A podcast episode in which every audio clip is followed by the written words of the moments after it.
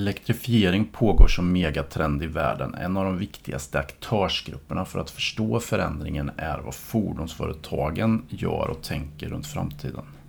För att försöka förstå vad de gör för något så har jag, Magnus Karlström och Jens Hagman från redaktionen i Om EV ett samtal idag med Martin Sköld från Handelshögskolan i Stockholm.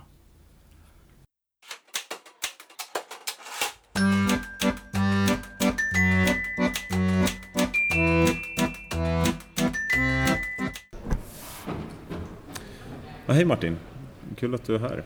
Eh, vi tänkte börja med första frågan. Är, vad utmärker fordonsindustrin? Så hur kommer det sig historiskt att fordonsindustrin är organiserad på det sättet som den är nu? Mm, det är en eh, spännande fråga tycker jag. Och, eh, om man skulle backa bandet och tänka tillbaka ja, 100 år eller så, så går mina tankar till Henry Ford. Hur, eh, hur den gamle Ford eh, egentligen drev ett stort konglomerat kan man säga. Med, Alltifrån eh, bröt järnmalm själv, hade tågtrafik och, och gjorde plåt och stål och, och så vidare. Han var i princip självförsörjande på allt. Eh, så där ser det inte ut idag i ett företag utan eh, idag så är ju det snarare kanske industrin som ser ut på det här sättet. Och så hoppet från att ha drivit stora konglomerat som Henry Ford gjorde till hur det ser ut idag, då tycker jag att man kan kalla det för företag eller bilföretagen de är en del i ett industriellt nätverk snarare. Och de har blivit duktiga på att hålla, att hålla ihop hela den här egentligen stora globala försörjningskedjan. Alltifrån leverantörsnätverk till samarbetspartners till att man då liksom är arkitekten bakom eh, en bilmodell. Eh, vi gjorde en uppskattning för några år sedan och såg att ett bilföretag gör ungefär 15 procent av, av bilens värde själv. Och att det är faktiskt andra som gör de andra 85 procenten. Så det sätter ju det här i perspektiv. Från att man har gjort allt till att man gör en, en liten del. Är det unikt för bil, bilindustrin, skulle du säga, eller fordonsindustrin? Ja, Finns det någon annan industri som är liknande? Eh, jag kan inte alla industrier så, men eh, om man till exempel jämför med eh, läkemedelsindustrier och vissa så här medtechbolag, stora gamla drakar, tänker jag då, inte nya startups så, så påminner nog de mer om hur det såg ut på Henry Ford-tiden. Att man, att man gör en väldigt mycket större del i den totala industriella värdekedjan. Mm. På så vis så, så kan jag tycka att bilindustrin har kommit eh, långt och det är väl egentligen jakten på effektivitet, jakten på produktivitet och stenhård konkurrens som har drivit eh, företagen att tänka på det här sättet. Och där är bilindustrin i bräschen. Jens och jag har försökt kolla lite vad Toyota och Ford och alla de här gör för något nu inom elektrifiering. Och, men vi är ju lite nybörjare på detta och du har ju mycket mer erfarenhet än, än oss då. Hur ska man tänka när man ska försöka förklara ett, ett företag vad de har för strategi? Vad är det liksom för parametrar som är värt att fokusera på? Ja. Eh, en fråga kanske går tillbaka till den första frågan. Jag tänker lite på hur, hur ska man se på sig själv? Eh, jurister eh, i all ära, de tycker att de legala strukturerna är, är viktiga. Alltså vad är företaget, vad är organisationen? Och det är det ju från ett juridiskt perspektiv. Men, men sen finns det ju andra perspektiv också, till exempel hur bedrivs utveckling? Eh, väljer man att göra mycket själv? Väljer man att utveckla tillsammans med leverantörer? Eh, samarbetspartners, till och med konkurrenter? Och där kan jag också tycka att bilindustrin utmärker sig eh, eftersom man samarbetar med väldigt många fler. Eh, att ha kanske 1500 externa samarbetsrelationer med andra verksamheter är absolut ingen ovanlighet i den här branschen. Kanske till och med att man har fler än så. Mm. Och det är klart, ska man då administrera allt detta och koordinera en så väldig massa stor, eh, så många relationer så är det klart att det lägger man mycket, mycket tid på. Så det är liksom ett stort koordinativt pussel kan man säga. Och sen ska man få alla de här att gå någorlunda i samma riktning eller önskad riktning. Där ligger ju en jättestor utmaning. Ja. Men vi som analytiker då, som ska försöka förstå liksom att företagen är på väg och så, då räcker det kanske inte med att titta på företaget utan man måste titta flera nivåer utanför då, ja. på leverantörsstrukturen. Absolut, och om man bara pratar leverantörer så är det ganska vedertaget i den här branschen att man pratar om, om eh, OEM-företag i toppen, Original Equipment Manufacturer.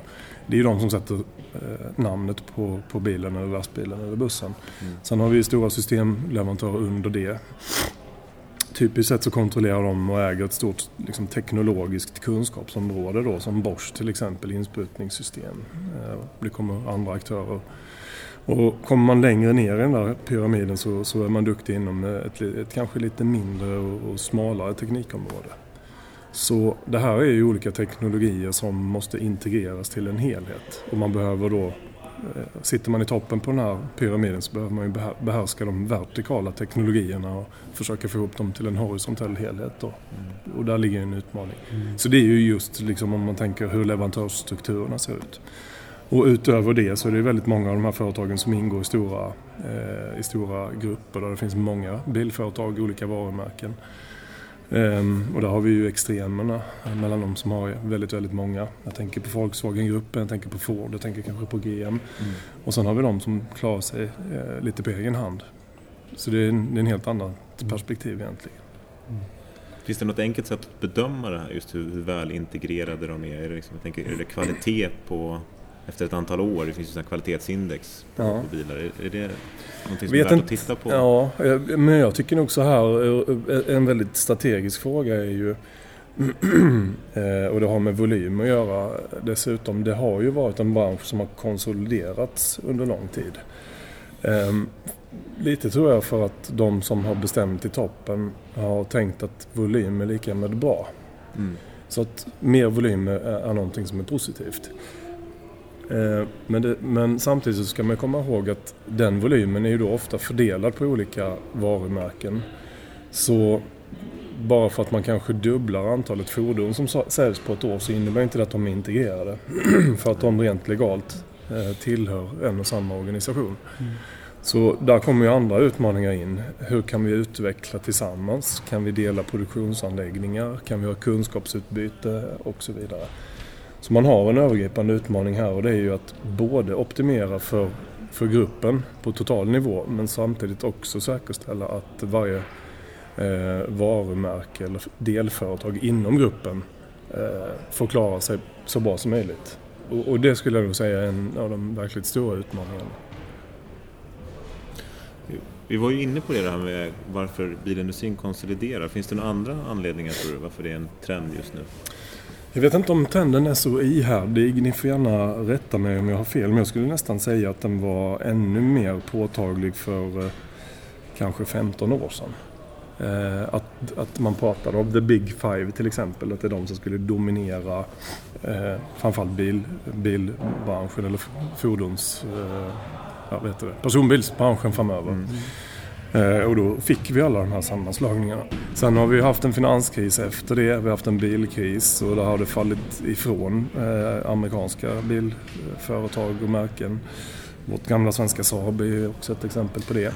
Så att jag tror att det har drivits utav eh, kanske en lite för förenklad syn på att volym är lika med bra. Mm. Eh, jag tror man ska fundera mer nogsamt vad är det för typ av volym man kan ha eller kan man hitta andra synergier? Eh, och det är ofta den här idén om att economy of scale eller skalekonomi är så central. Eh, och det är klart, betraktar man situationen på långt håll så kan man nog absolut tänka så. Att lite mer volym eller dubblad volym, ja det låter ju bra. Mm. Men man måste kunna göra någonting åt det.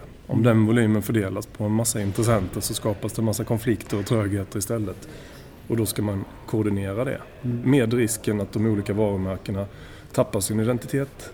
Eh, och då kanske man får en helhet som är sämre eller mindre värd än vad den var innan. Mm. Jag har skrivit en del faktiskt forskningsartiklar som har blivit publicerade i, i bra journaler just om det här. Mm. Hur, man, hur man tänker och vad vi har sett kopplat till det här. Man kan säga att det är commonality å ena sidan och differentiation å andra sidan. Och det är en jättestrategisk fråga. Absolut, men det är väl en sorts övergång till din bok som du har mm. skrivit, mm. den här dubbelt effektiv. Kan du kort berätta lite om den? För det, det återkopplar väl till det du sa precis? Mm. Ja, men det, det är riktigt. Eh, historiken till varför den här boken kom till går nog tillbaka till, till min tid som doktorand. När jag följde några sammanslagningar som just motiverades av skalekonomi då. Och jag fick följa de här projekten på insidan. Det var fantastiskt lärorikt och spännande. Men jag kunde ju sitta ner i utvecklingsmöten med ingenjörer som, som just skulle samsas om sådana här saker. För att en skalekonomi då, eller volymfördel, den, den vandrar ju hela vägen ifrån eh, kanske en, en börsanalytiker eller styrelseordförandes intresse. Sen måste den ju ta vägen någonstans för annars är den ju inte hanterad. Och jag kommer ihåg hur jag lite naivt gick, gick runt med de här verksamheterna och undrade vem är ansvarig för synergierna? tills, tills jag kom fram till att ja, det, är ju, det är ju de här ingenjörerna som jag träffar på som sitter vid, vid CAD-bordet eller CAD-programmen och faktiskt ska ta ett beslut. Ska den här komponenten eller artikeln Ska den vara unik för det ena företaget eller ska den vara gemensam för flera? Eller ska vi utveckla en helt ny? Det, det är där skalekonomi ramlar ner. I väldigt många fall när det är fysiska produkter. Skulle det vara processer och flöden istället? Om man till exempel tar fram ja, Ehm, pappersmassa eller om vi pratar om, om kanske gas och bensin och sånt. Där är jag mindre skeptisk till skalekonomi. Men i produkter, fysiska produkter som är komplexa som består av många eh, delar som ska integreras. där tror jag man ska akta sig lite för, för det här. Så det är bakgrunden till boken då. Jag, jag var väl skeptiker till det. Jag svarade på min fråga i doktorsavhandlingen. Men i slutet utav, utav den processen så blev jag nog allt mer intresserad av en annan fråga. Det var väl så att jag ville ha lite stimulans. Det blev enformigt att skriva klart men jag lyckades med det. Och det blev en helt okej okay avhandling. Men, men där började jag fundera lite på de här begreppen Economy of Scale och sen hittade jag ett annat begrepp som är mycket mindre känt som heter Economy of Scope. Mm. Och det är ett begrepp som faktiskt kommer 1975. Mm. Och det, vad jag har hittat, den originalreferensen som det kanske finns tidigare, men den som jag har hittat kommer från 75 och det är Pansar och Willing som har skrivit om det här. I en helt annan kontext, eh, ska man väl säga. Sen så har eh, David T skrivit om det 1980 och 82 och sådär, men sen ebbade det lite ut. Ehm, jag fastnade för det här scope och tänkte, vad är det? Ehm, och mitt sätt att översätta det då är det till att man till skillnad då från Economy of Scale som handlar väldigt mycket om volym, mer volym, då kan vi fördela framförallt fasta kostnader på fler delar. Och det är ju logiskt naturligtvis. Om man lyckas, så är det där min invändning är. Men scope då, det, det översätter jag till variation. Hur ska vi kunna dra fördelar av att göra olika saker? Kan vi vara bra på både spela fotboll och tennis? Mm det finns ju bra scopefördelar i, i distribution till exempel. En lastbil kan ju transportera gods till olika, eh, till olika mottagare. Man kan säga att det är en, ett exempel på en, en variation eller viddfördel på det sättet. Eh, och den kan såklart ha en massa eh, scale också. Men jag fastnade för begreppet scope och det där grep nog tag om mig lite. Så jag tillbringade en massa tid med att försöka läsa, försökte förstå och så vidare. Ehm, tills dess att jag eh, kom i kontakt med, med eh, Scanias eh, förra VD som sa men kom ner hit. För han kände han förstod vad jag pratade om tror jag. Eller så tyckte han att jag bara svamlade. Jag vet inte. Men jag fick möjligheten att ställa en massa eh, väldigt detaljerade intervjuer med bra tänkare på Scania. Och då insåg jag att det här begreppet modularisering som ju var bekant för mig. jag har hållit på mycket med produktplattformar, produktarkitektur och som också är relaterade begrepp. Och jag trodde att jag hade förstått modularisering men det hade jag inte tillräckligt väl. Och där såg jag någon liten pusselbit. Ehm, jag uttryckte det på helt andra sätt. Och då ramlade poletten ner. Så boken handlar egentligen om hur ska man kunna hur ska man kunna åstadkomma en, en skalfördel genom att tillgodose kunders olika behov? Så egentligen så börjar frågan i scope. Vad behöver kunden ha? Mm. Och kan vi då bli smarta i att eh, uttrycka olika kunders behov? Man kan tänka det som legobitar. Vi ska inte ha en miljard olika legobitar utan vi ska ha ett, ett lämpligt antal. Om vi då kan pussla ihop de här legobitarna så resulterar ju det i en, en unik produkt eller unik tjänst till slutkund. Grejen är att de här legobitarna kommer nu förekomma i, i, i, i olika produkter till olika kunder.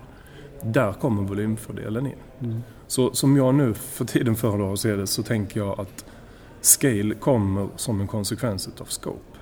Mm. Men om man bara fokuserar scale mm. då har du helt missat eh, vad kunden vill ha. Du är väldigt introvert och du är intresserad av dig själv egentligen. Mm. Men med det här alternativa sättet som jag föredrar då, då väljer man att ge kunden väldigt mycket intresse. Mm. Och gör den grundinvesteringen för att ta reda på vilka legobitar behöver vi för att kunna tillgodose våra olika kunders behov. Mm. Och så tar man fram varianter på de här legobitarna.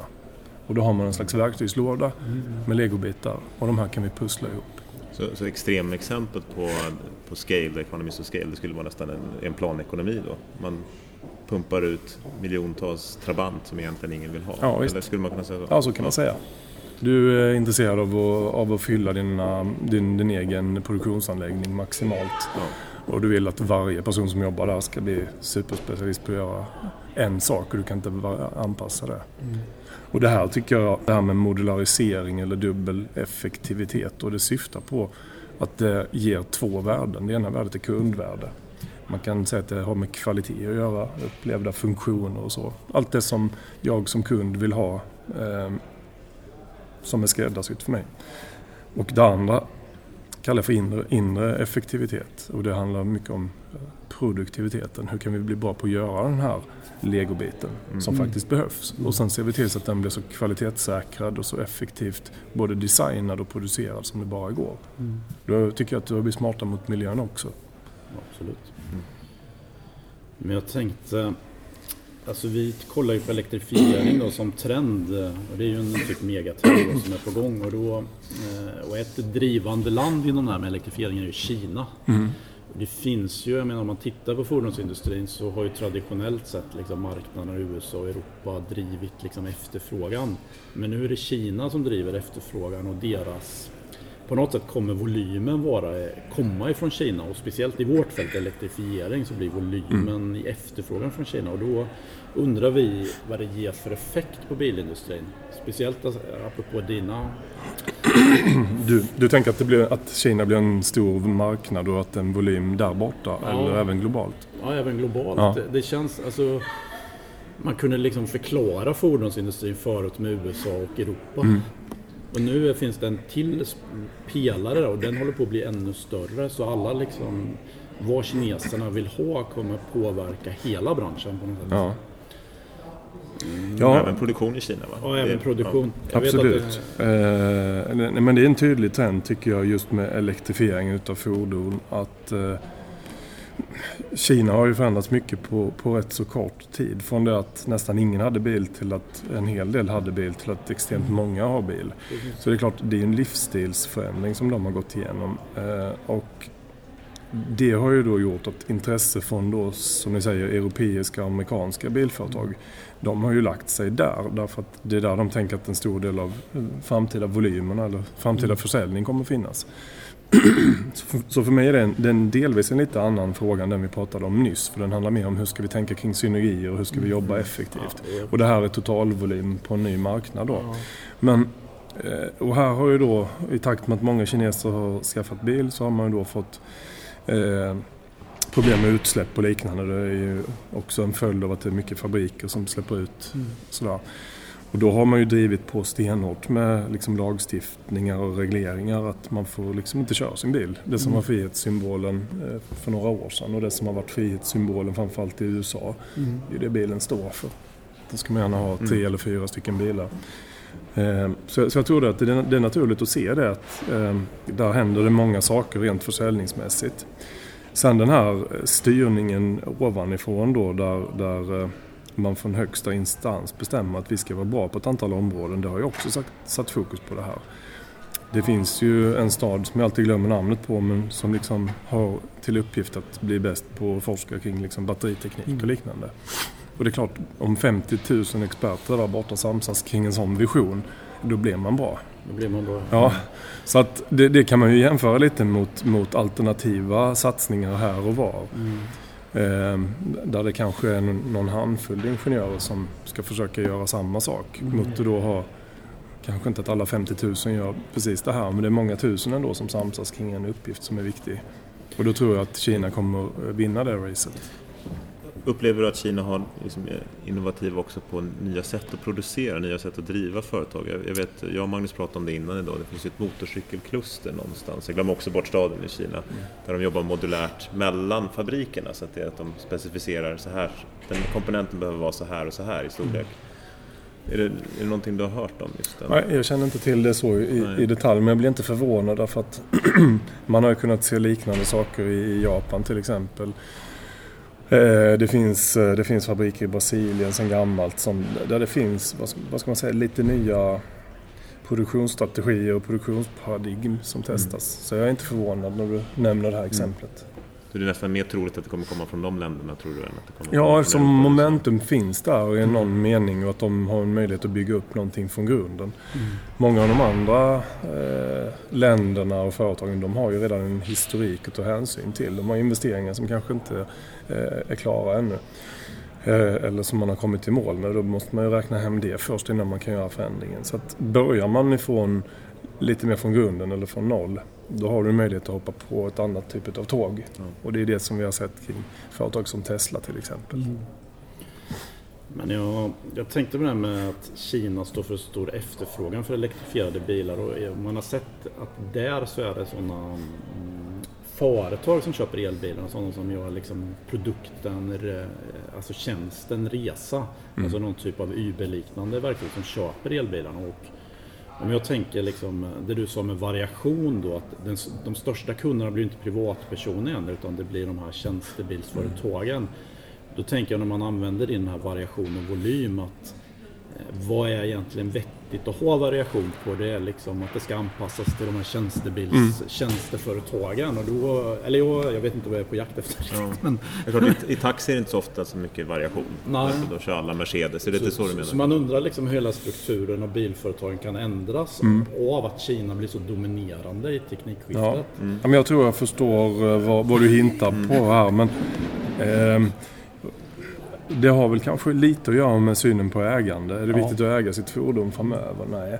Jag menar Volvo personvagnar här i Göteborg har ju faktiskt eh, en, en ganska klar strategi om hur man ska komplettera upp den bilden. Eh, bor du i en trång eh, innerstad, du har inte plats att förvara en bil utan mm. du kanske inte ens får köra in med den heller. Mm. Eh, så det är klart att sen tror jag kanske att en yngre generation inte är så benägen och det är viktigt för dem att äga en bil. Det är viktigt för dem att de är uppkopplade mm. under tiden de transporterar sig. Mm. Sen struntar de kanske i om mamma eller pappa äger bilen. Mm. När det blir dags för dem att mm.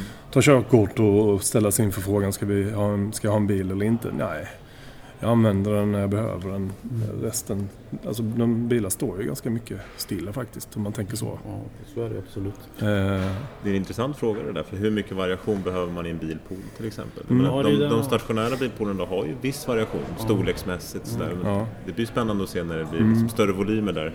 Men jag menar folk som har ju liksom 300 modeller för att uppnå ja. alla kunder i liksom hela koncernen. Hur många kommer de behöva på sikt om det bara är bilpooler som köper? Nu kommer det aldrig vara så bara, men en större del i alla fall.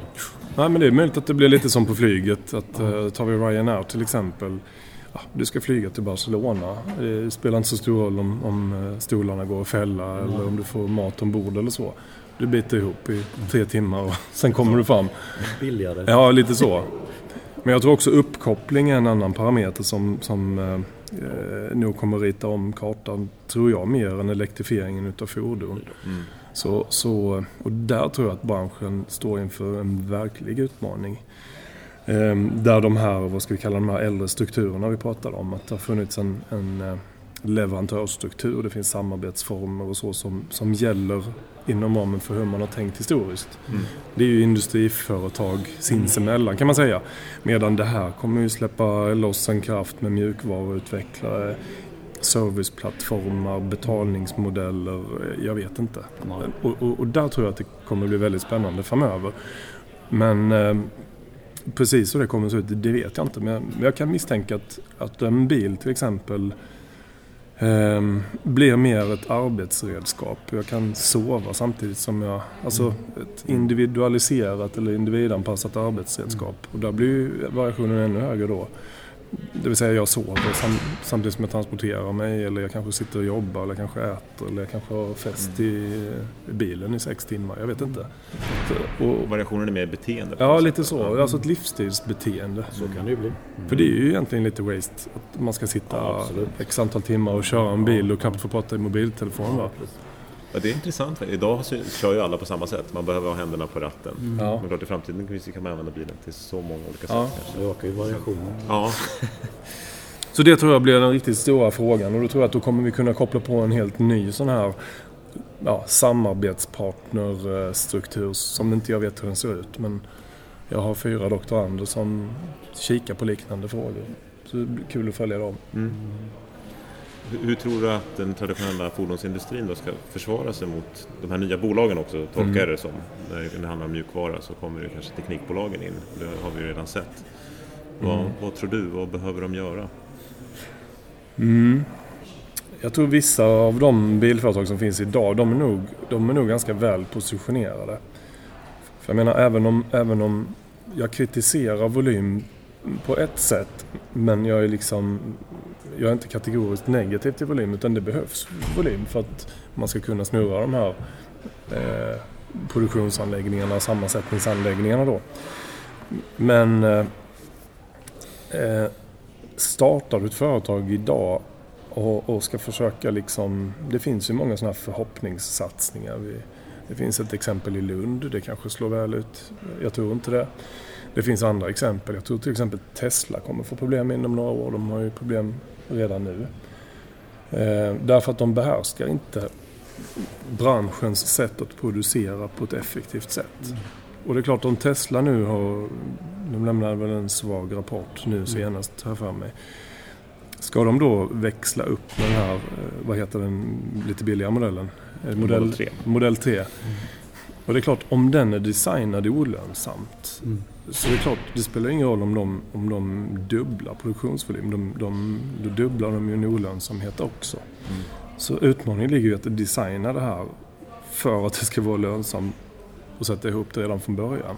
Där tror jag att de gamla bilföretagen har en fantastisk eh, styrka relativt till de som är yngre, som inte har erfarit det här under hundra års eh, kämpande. Mm. Sen tror jag inte att alla de här bolagen kommer klara sig framöver. Eh, för jag tror att du måste stå för någonting också. Eh, Opel kanske är ett, ett sånt här bilmärke som, som eh, attraherar allt färre. Mm. Vad, vad ska Opel stå för? Eller så kommer de på någonting helt remarkabelt här som attraherar unga och de tycker att det är det häftigaste som finns. Därför att det är en Opel det händer.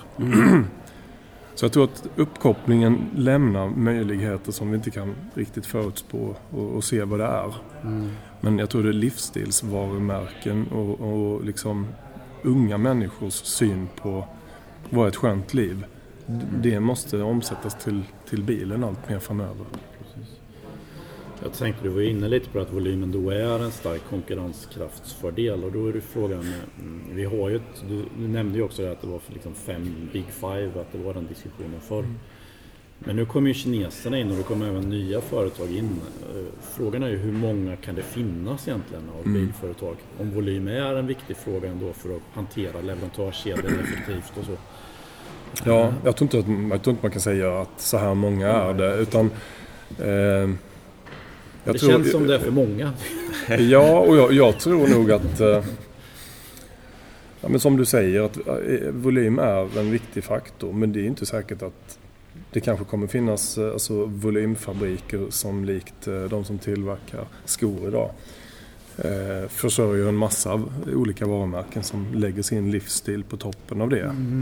Så sätt så skulle det finnas utrymme kanske för fler varumärken som möter kund. Och så struntar man i vem som har gjort eh, batterierna och, Mm. och liksom packat bilen med innehåll.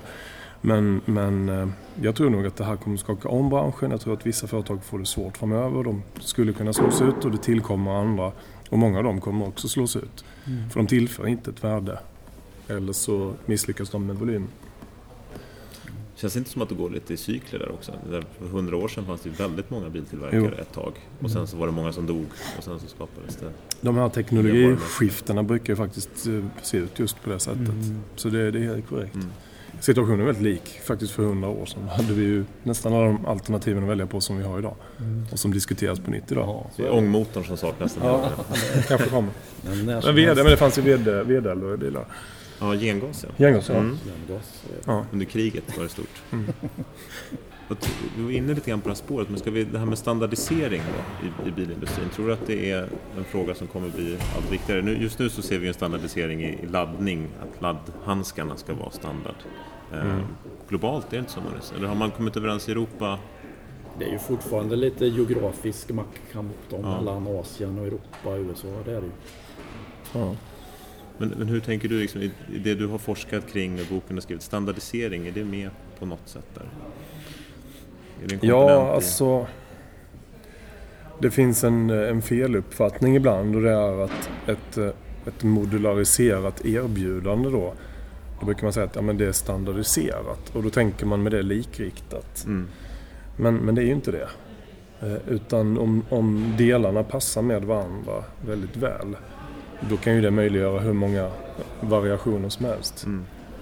Jag läste någonstans att eh, om man har sex eller om det var åtta stycken legobitar som har sex eller åtta sådana här små pluppar gånger mm. två. Så kan de kombineras på 915 miljoner olika sätt. Men då är ju legobiten i sig standardiserad. Men framförallt så är det ju gränssnitten som är standardiserade. Hur man kan flytta runt legobitarna. Jag tror att standardisering i, i gränssnitt, det är det som blir abstrakt för många. Mm. Det är det som är grejen. Mm. Inte att delen nödvändigtvis ser likadan ut, men den ska passa med en annan del. Det. Så det är interfacen som är viktig, att ha dem mm. standardiserade. Mm. Och då skapar man inte likriktning utan extrem variation mm. istället.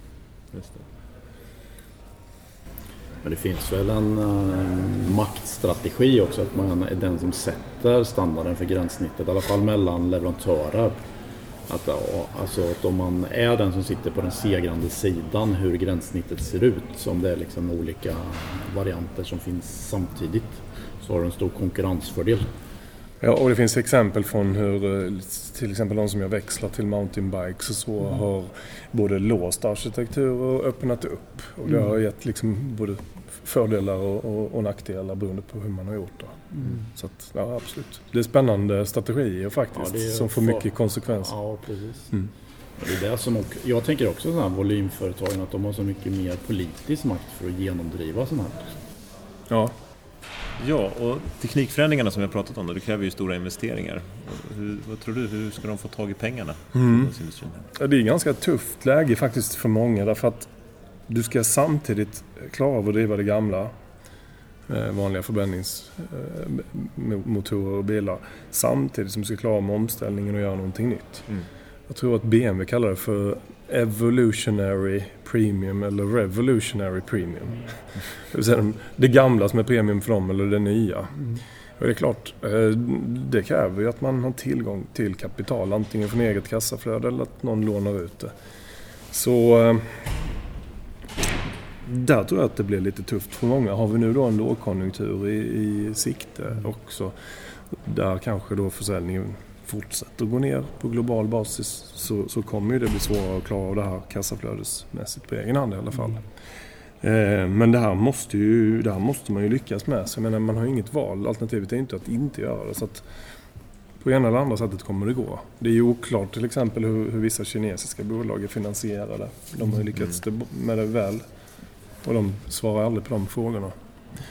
Så eh, somliga är lite mer transparenta och andra inte. Men, men man behöver lyckas med det här. Eller så får man överväga att lägga ner eh, vissa märken som vi har pratat om innan. Något som vi har studerat är företagsvärderingar utifrån aktiemarknaden. Mm. För det ser man ju då att företags fordonsbolagen, de klassiska bilföretagen, har liksom aktiekursen sjunkit det senaste året. Det har väl koppling till lågkonjunktur och så, men andra faktorer också. Men däremot en sån aktör som Uber är liksom mer värd än alla världens mm. fordonstillverkare liksom, samtidigt. Det känns... Eh, ja, det är lite galet faktiskt. Ja. Så det var bara Toyota som är värd mer? Ja, Toyota ja. är alltid med. Men det är, det är ju ett uttryck lite för ett, ett, ett nytt sätt att tänka naturligtvis. Då. Um, jag, jag, tänker så här, det är en väldigt skalbar affärsmodell. Det går ju fort att få upp den i en ny stad, ett nytt land.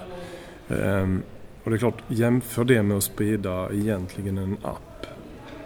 Som ju svävar fritt, liksom du mm. laddar ner den, pang. Helt plötsligt så finns du hos en ny, en ny chaufför och en ny kund också för den delen. Mot att du då ska producera någonting, sätta upp ett försäljningsställe, ha mm. försäljare och så vidare.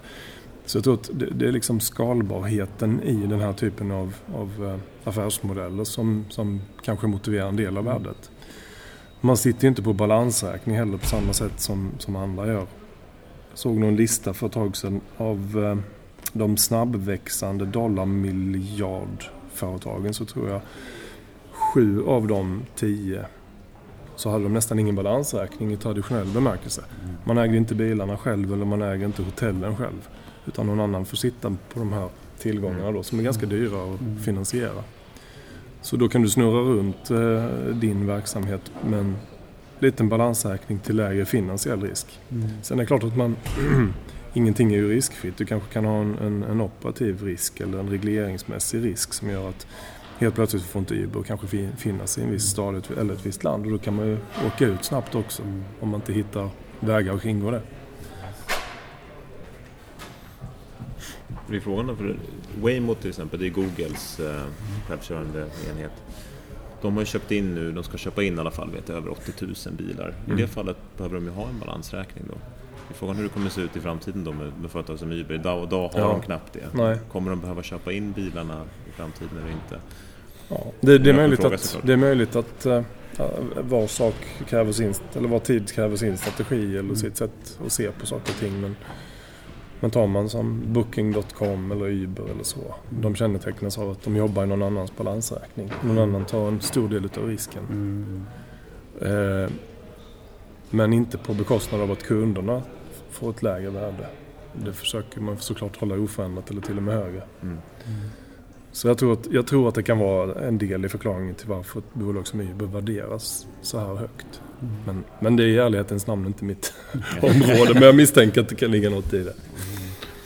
Mm. Jag är mest nyfiken, kommer liksom eh, bilföretagen hitta pengarna för att orka med de här teknikförändringarna? Jo, eh, ja. Det är stora investeringar i batterifabriker, i mm. liksom, eh, all teknik, all, all kompetens. Liksom. Känns skakigt tycker jag, men jag vet inte. Ja. De är ju stora företag också. Jo, visst är det så. Ser man inte lite allianstänk där också? Att man samarbetar? Jo, det, det, är ett sätt att finansiera det såklart. Man gör det tillsammans mm. med andra. Mm.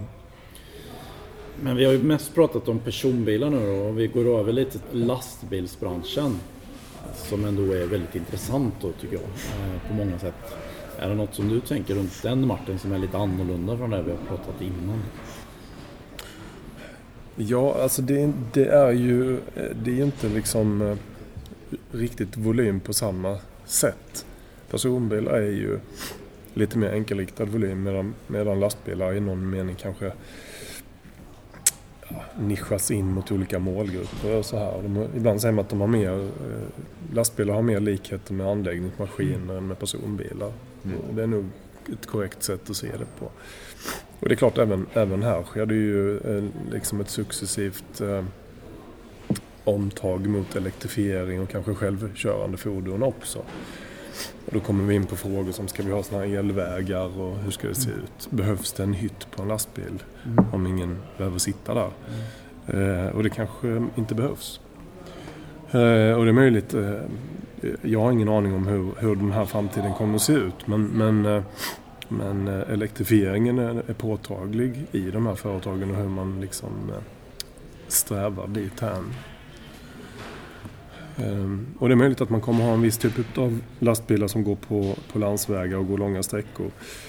Och att man inne i städer har kanske lite mindre lastbilar som egentligen kör ut varorna då. Så mm. ser det ju i princip ut idag men med den skillnaden att det inte behövs då kanske chaufförer mm. som, som kör de långa avstånden.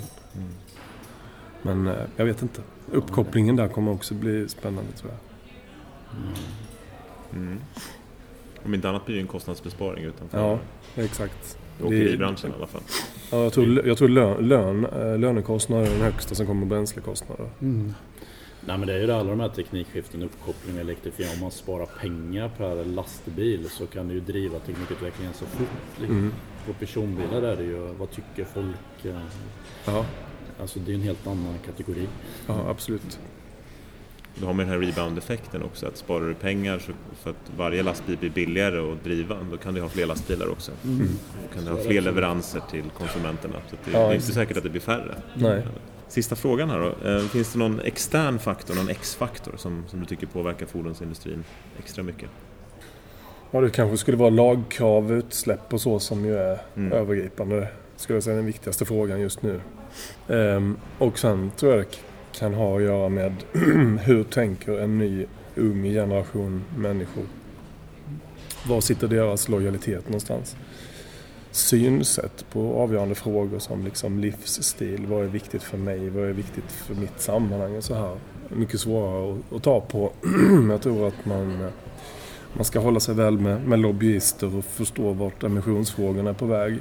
Och sen tror jag att man ska ha ett helt gäng eh, små barn runt omkring sig. Ungefär som rumpnissarna, ni vet i Ronja, Rövardotter då. De som får jag, varför då då? Varför, varför gör de på detta viset?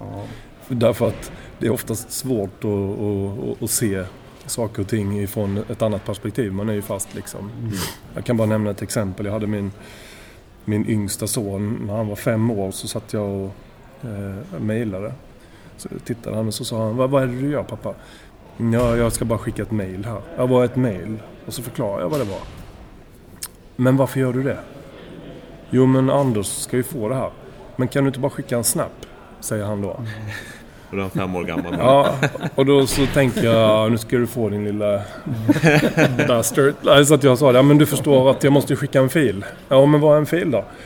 Ja, och sen visade jag vad en powerpoint-fil var då för att han skulle få en känsla för det. Men du kan väl ta en bild på den också och snappa? Då bara, ja du har ju rätt. Men, så, här, men, men Anders har inte snap.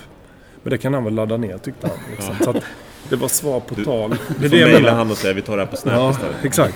Men det är det jag menar. Det är en liten rumpnisse som ifrågasätter saker. Och det, oftast det finns ju ett fint ord för rumpnissar och det är ju eh, new entrants. Mm. Medan branschen är full av incumbents, sådana som har gjort saker på samma sätt. Och det är ofta svårt att se vad sådana här rumpnissar eller new entrants, vad de är intresserade av och hur de kommer stöpa om en bransch. Mm. Men, men de, tror, de tror jag man ska försöka ha ett helt koppel av dem runt omkring sig. Mm. Varför gör vi på detta viset? Det är huvudfrågan. Ja. ja fin avslutning. Ja, det var fin mm. avslutning. Mm. Ja. Vi ska ha lite rumpnissar omkring oss. Ja, men superbra. Tack så mycket för att du var med. Tack för att jag fick vara med. Det var jättekul. Ni har lyssnat på en podd från nyhetsbrevet om EV. Om EV är finansierat av Energimyndigheten och värdar Swedish Electromobility Center. Och musiken står bandet Vintergatan för.